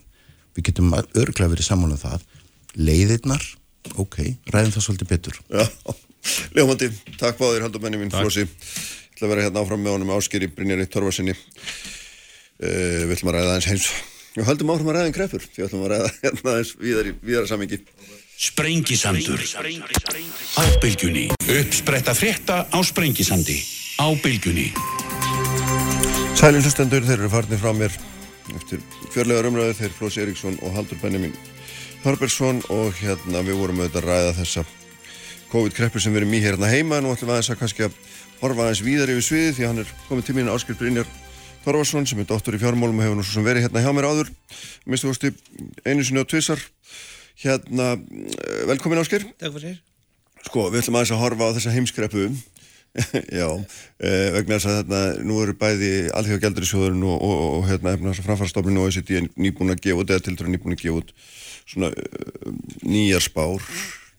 Já. og þetta er bara hérna þetta bara verður verið að vera Já, já, það, það er svo sem leit út fyrir að verða verra ef að maður svona rindi mm. tölurnar upphaflega en, en þetta er samt óvennilegt gældur sem kemur vennilega með spá bara í apríl og oktober en, en þeir koma núna í júni með auka spá sem þetta uppfæra réttur umlega að tveggja mánuða gamla áallin og hún fer úr fyrir heiminni held úr, úr samdrátt upp á 3% í næstu því 5% mm -hmm. 4,9 mm -hmm.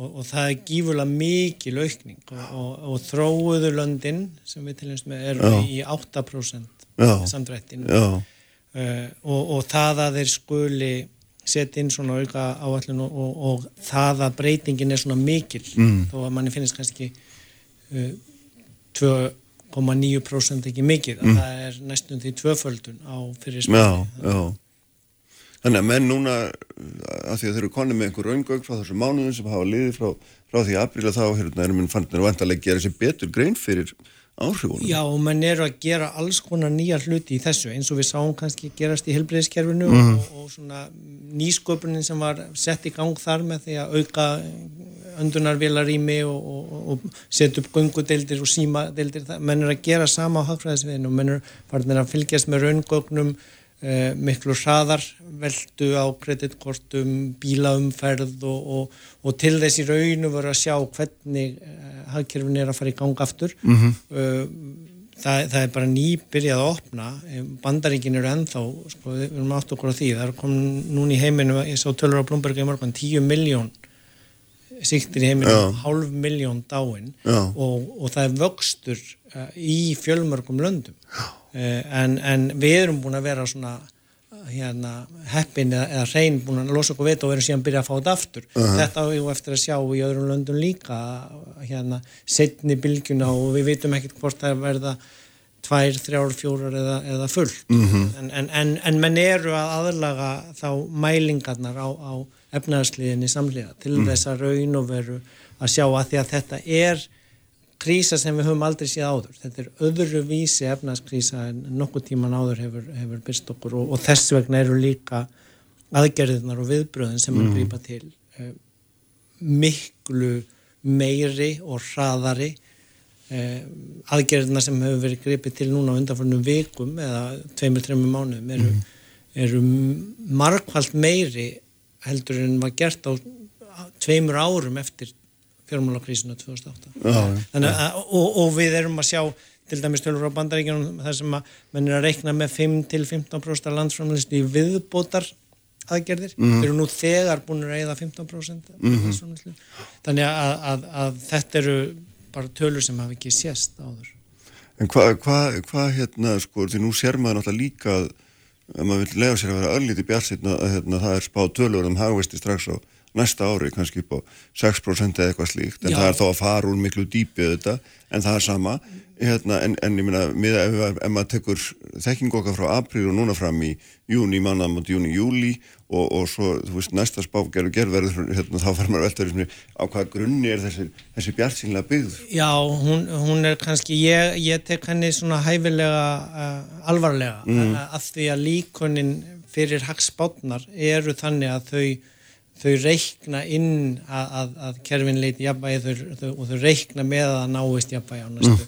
tveimur árum þannig að, að það er, er hérna eh, kannski bara mm, líka skiljanlegt að því að stofnaninnar sem að gera spátnar vilja ekki auk á vandan Mhm. því að draga þrótt úr fólki að, hérna, hætta við að, að endur nýja hérna, eldúsið eða baðurbergi Já, að það sé að fara að koma að krepa þannig að, þannig að menn, menn vilja reyna að halda ganginum í, í, Mm. í hagkerfunu og ekki að, að tala niður. En, en hins vegar hef, ef maður hefur fylst með svona krísum eins og ég hef gert sko sögulega og líka bara frá 2008 ef þú skoðar spára þá hafa menn alltaf verið að reikna með að til dæmis verðbólgan nái 2% á næsta ári aftur og, Mm. og, og, og því er alltaf fresta á hverju ári. Þannig, að, þannig að, að, að ég held að, að svona raunhæft séð þá, þá þurfum við nú kannski alveg að búast við einhverjum áframhaldandi frestunum á því að tölurnar fari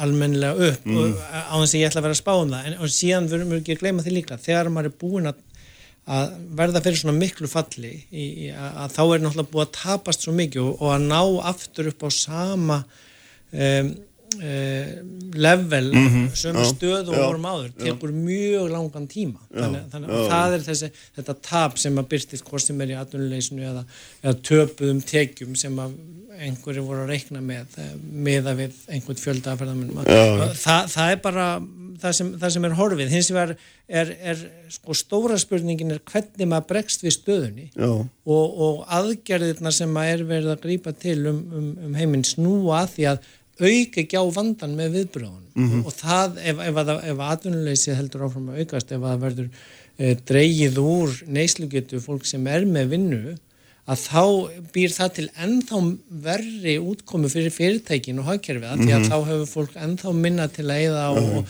og, og, og, og Það verður með öðrum orðum alltaf að örfa eftirspurnina, það er það sem verður að, að hérna, stansast að gera, já, já, og við sjáum það koma ágætlega út hér núna að, Mm. í staðan fyrir að, að, að, að allir þeir sem höfðu efnaði að fara til útlanda að þeir, þeir fara innanlands þeir, það er mjög gott fyrir umhverfið því Mm. Mm. byrjun Já. það, það er hérna bara betra að eins og Gilvi svo kallaði það, þjóðverðarnir fara upp í Alpana og við förum í Skaftafell í staðan fyrir að við séum að fljúa í Alpana og þjóðverðarnir að fljúa hingað að fara í Skaftafell Já, þannig að það sparar bæði orku hérna, umhverfisáhrif gjalderis Mm. mm. tekjur, þannig að og við fáum að sjá landi á þess að það sé fullt af Já, getum- þannig getum að maður verður að-. Svona spil úr stöðunni sem, að, sem er og, og þar skiptir líka máli hvað er fjárfest í til Mm. að því að það er náttúrulega eðlert öll uh, ríki heims er að fara í fjárfestinga núna og umhverfisváin hefur náttúrulega verið mjög uh, lengi beðið með að bregðast við mm. og, og við vorum komin svo sem fyrir COVID á, á mjög mikinn skilafrest með það að bregðast við og núna er verið að gera það miklu hraðar sér maður við um heim og, mm. og, og það er, er dæmi um, um svona góðar afleðingar af þessu það er mm. það, það, er það hérna, fara uh, í að um, drífa af uh, aðgerði sem að hefði verið stór hættulegt ef það hefði verið gerðar og hægt breyta samgöngumátum og, og, og þó að það kosti skuldsetningu að fara í að byggja metrókerfi eða mm. borgarlínu eða hvað það er sem mm. menn er að gera að þá má ekki gleyma því að á efnagsreikningnum kemur náttúrulega eign fyrir komandi kynsluður þannig að það er ekki bara skuldir nei, nei. Og, og þetta býr til atvinnu og þetta býr til betra umhverfi þannig að það er í raun og veru það sem að Um, mm. pólitíkin þarf, þarf að vera snúast um mm. núna Hva, hvað á að gera fyrir hvern Já, og sko það sem maður sér, eftir, sér líka í hérna, þessum ráðleggingum frá þessum alþjóðastofnunum eða, eða svona þeirra aðtóasendum og að, að það, það er mjög mikið verið að tala um að hérna, beina fjármagni sko, frá greinum sem líklegar eru til að minga verulega og þegar maður les þetta og heimfæri þetta på Ísland mm. hvað segir þetta okkur hér? Jú, jú, ég meina það, það er alveg, ég, franska ríkistjórnin stutti er frans bara til flugs og leiðum það sem ekki voru lestarsamgöngur. Það er þeirra leið til að grænvæða það. Mm.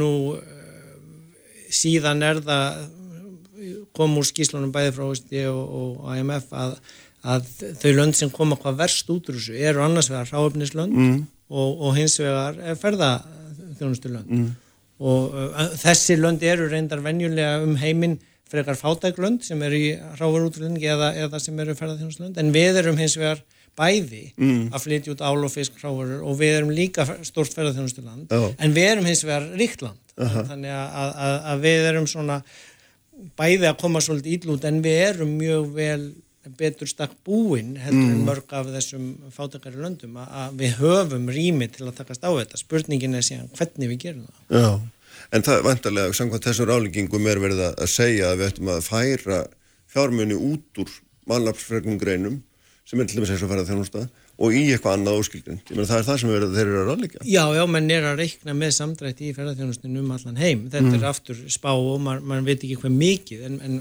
en, en það er nokkuð ljóst að uh, fólk mun ferðast minna bæði í, í ferðarlögum og á, á vinnuferðum.